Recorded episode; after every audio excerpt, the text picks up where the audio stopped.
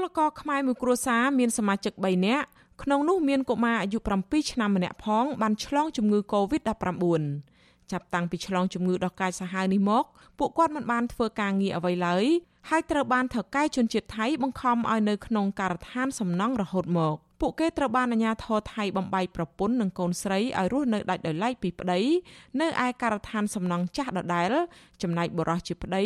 ត្រូវបានគេបញ្ជូនទៅស្នាក់នៅការដ្ឋានសំណង់មួយកន្លែងទៀតមានចម្ងាយប្រហែល5គីឡូម៉ែត្រពីគ្នា។ ពលករនីមានស្រុកកំណើតនៅខេត្តសៀមរាបលោកស្រីហុងសារ៉េតរៀបរាប់ប្រាប់វិទ្យុអាស៊ីសេរីថាអំឡុងពេលឆ្លងជំងឺ Covid-19 ជាង1ខែដំបូងគ្រួសារលោកស្រីរស់នៅជុំគ្នាប៉ុន្តែក្រោយពេលអាជ្ញាធរថៃធ្វើតេស្តនៅថ្ងៃទី22មិថុនាដោយរកឃើញថាប្តីរបស់លោកស្រីបានជាសះស្បើយហើយលោកស្រីនិងកូននៅកើតជំងឺនេះដដែល ភ្លាមនោះអាជ្ញាធរថៃបានបញ្ជូនប្តីលោកស្រី និងពលករខ្មែរជាច្រើនអ្នកផ្សេងទៀតដែលគ្មានជំងឺ Covid-19 ទៅធ្វើចតាលិស័កនៅការដ្ឋានសំណង់មួយកន្លែងទៀតស្ត្រីវ័យ30ឆ្នាំរូបនេះបន្តថាចាប់តាំងពីគ្រួសារលោកស្រីស្នាក់នៅបែកគ្នាមកលោកស្រីត្រូវរស់នៅក្នុងបន្ទប់តូចមួយធ្វើពីស័ង្កសីជាមួយកូនយ៉ាងកំសត់ លោកស្រីថាជារៀងរាល់យប់ពួកលោកស្រីសម្រានមិនសូវលក់នោះទេព្រោះបារម្ភខ្លាចពលករជនជាតិផ្សេងនៅទីនោះធ្វើបាបផងនិងខ្លាចស្ថានភាពជំងឺធ្ងន់ធ្ងរប៉ះពាល់ដល់សុខភាពហើយគ្មានគ្រូពេទ្យព្យាបាលផង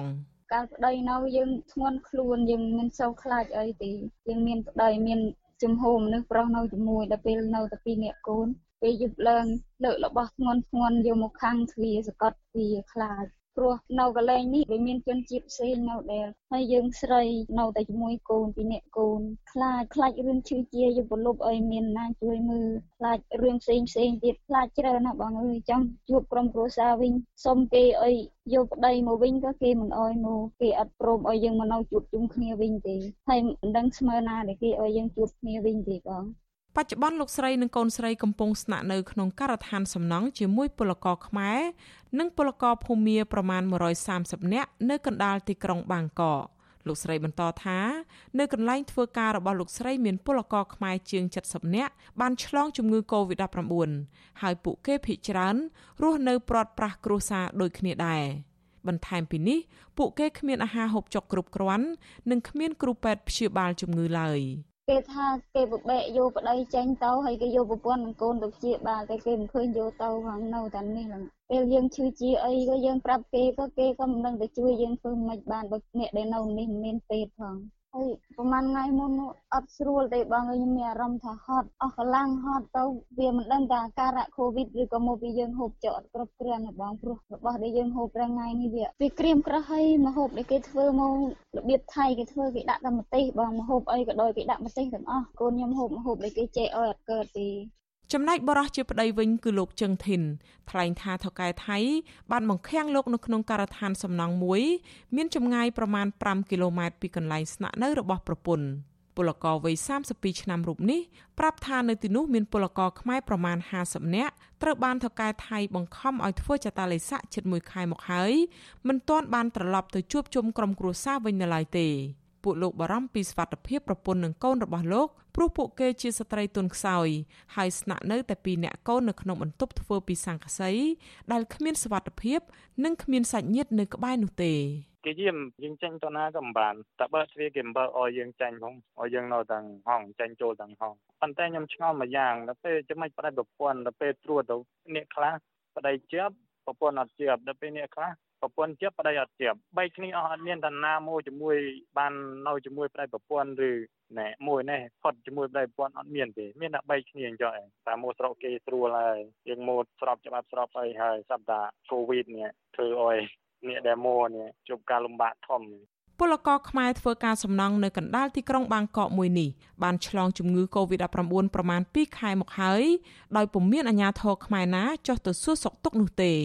ជាងនេះទៅទៀត មានពលករខ្លះបានប្រថុយជីវិតនាំគ្នាត្រឡប់ទៅកម្ពុជាវិញក្រោយពេលពួកគេធ្វើចតាលិស័ករួចគ្មានជំងឺនេះក្រុមពលករធ្វើមាតុភូមិនិវត្តនេះដោយសារពួកគេមិនអាចទ្រាំនៅលំបាកបន្តទៀតបាន ស្របពេលដែលគ្មានការងារធ្វើនិងគ្មានប្រាក់បង់ថ្លៃបន្ទប់ជួលនៅប្រទេសថៃអាញាធរថៃបានបិទគប់ទីក្រុងបាងកកនិងខេត្តចំនួន5នៅជុំវិញនោះចាប់តាំងពីថ្ងៃទី12ដល់ថ្ងៃទី25ខែកក្កដាដើម្បីទប់ស្កាត់ការរាតត្បាតជំងឺ Covid-19 វិធានការរបស់អាជ្ញាធរថៃនេះហាមឃាត់មនុស្សធ្វើដំណើរចាប់តាំងពីម៉ោង9យប់ដល់ម៉ោង4ភ្លឺនិងហាមការប្រមូលផ្ដុំគ្នាលើសពី5នាក់ប្រសិនបើជនណាល្មើសនឹងបំរាមទាំងនេះអាចនឹងត្រូវមានទោសដាក់ពន្ធនាគារ1ឆ្នាំ និងពិន័យជាប្រាក់ចំនួន40000បាតឬប្រមាណ1300ដុល្លារវិទ្យុអាស៊ីសេរីមិនអាចតាក់ទងមន្ត្រីស្ថានទូតខ្មែរប្រចាំនៅប្រទេសថៃដើម្បីសូមអត្ថាធិប្បាយជុំវិញក្តីកង្វល់របស់ពលករខ្មែរនេះបានទេនៅថ្ងៃទី15ខែកក្កដា ប៉ុន្តែកាលពីថ្ងៃទី1ខែកក្កដាលោកនាយករដ្ឋមន្ត្រីហ៊ុនសែនបានអំពាវនាវដល់ពលករខ្មែរនៅប្រទេសថៃ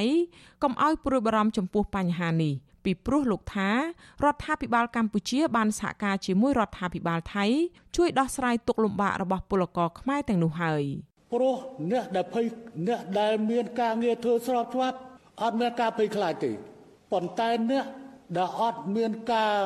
ទៅមិនស្របច្បាប់ធ្វើការមិនស្របច្បាប់ ទាំងថៅកែទាំងកម្មករសត្វតែភ័យប៉ុន្តែខាងភាគីថៃគេបានបញ្ជាក់ឲ្យថា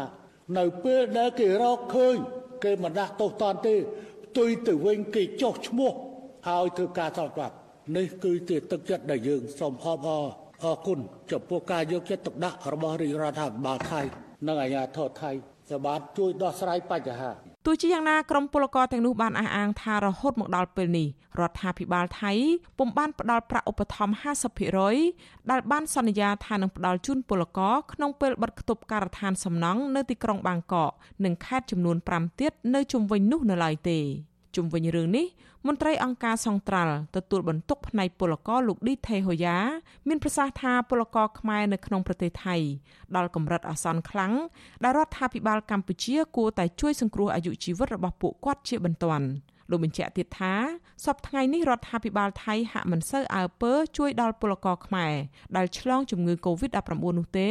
ពីព្រោះលោកថាមានពលករខ្មែររាប់ពាន់នាក់ដែលបានឆ្លងជំងឺរលាកផ្លូវដង្ហើមប្រភេទថ្មីនេះ។ លោកថាពលករបានស្នាក់នៅក្នុងការដ្ឋានសំណង់តាមយថាកម្មដោយមានជីវភាពខ្វះខាតនិងគ្មានថ្នាំសង្កូវព្យាបាលជំងឺនោះទេ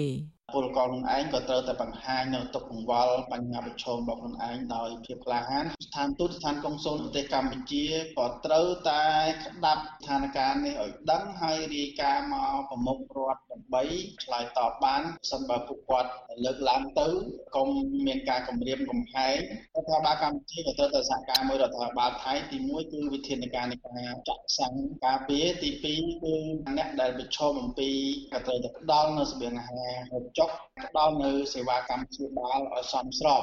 របាយការណ៍របស់អង្គការសង្ត្រាល់បង្ហាញថាបច្ចុប្បន្នមានពលករខ្មែរធ្វើការស្របច្បាប់និងមិនស្របច្បាប់ប្រមាណ7.2លាននាក់ធ្វើការនៅប្រទេសថៃប៉ុន្តែក្រសួងសុខាភិបាលថៃឲ្យដឹងថាចាប់តាំងពីថ្ងៃទី1ខែមេសាដល់ថ្ងៃទី12ខែកក្កដាមានពលករខ្មែរជាង8600នាក់បានឆ្លងជំងឺ Covid-19 ក្នុងនោះ មានពលករមួយចំនួនធ្លាក់ខ្លួនឈឺធ្ងន់ យ៉ាងណាពលករខ្មែរមួយគ្រួសារនេះរៀបរាប់ថា ពួកគេគ្រងនាំគ្នាប្រថុយជីវិតត្រឡប់ទៅកម្ពុជាវិញ នៅពេលដែលពួកគេបានជាសះស្បើយពីជំងឺព្រោះពួកគេគ្មានប្រាក់ចាយវាយនិងមិនអាចអត់ទ្រាំការលំបាកក្នុងប្រទេសថៃបានទៀតឡើយចា៎នាងខ្ញុំខែសុណងវັດឈូអាស៊ីសេរីរាយការណ៍ពីរដ្ឋធានី Washington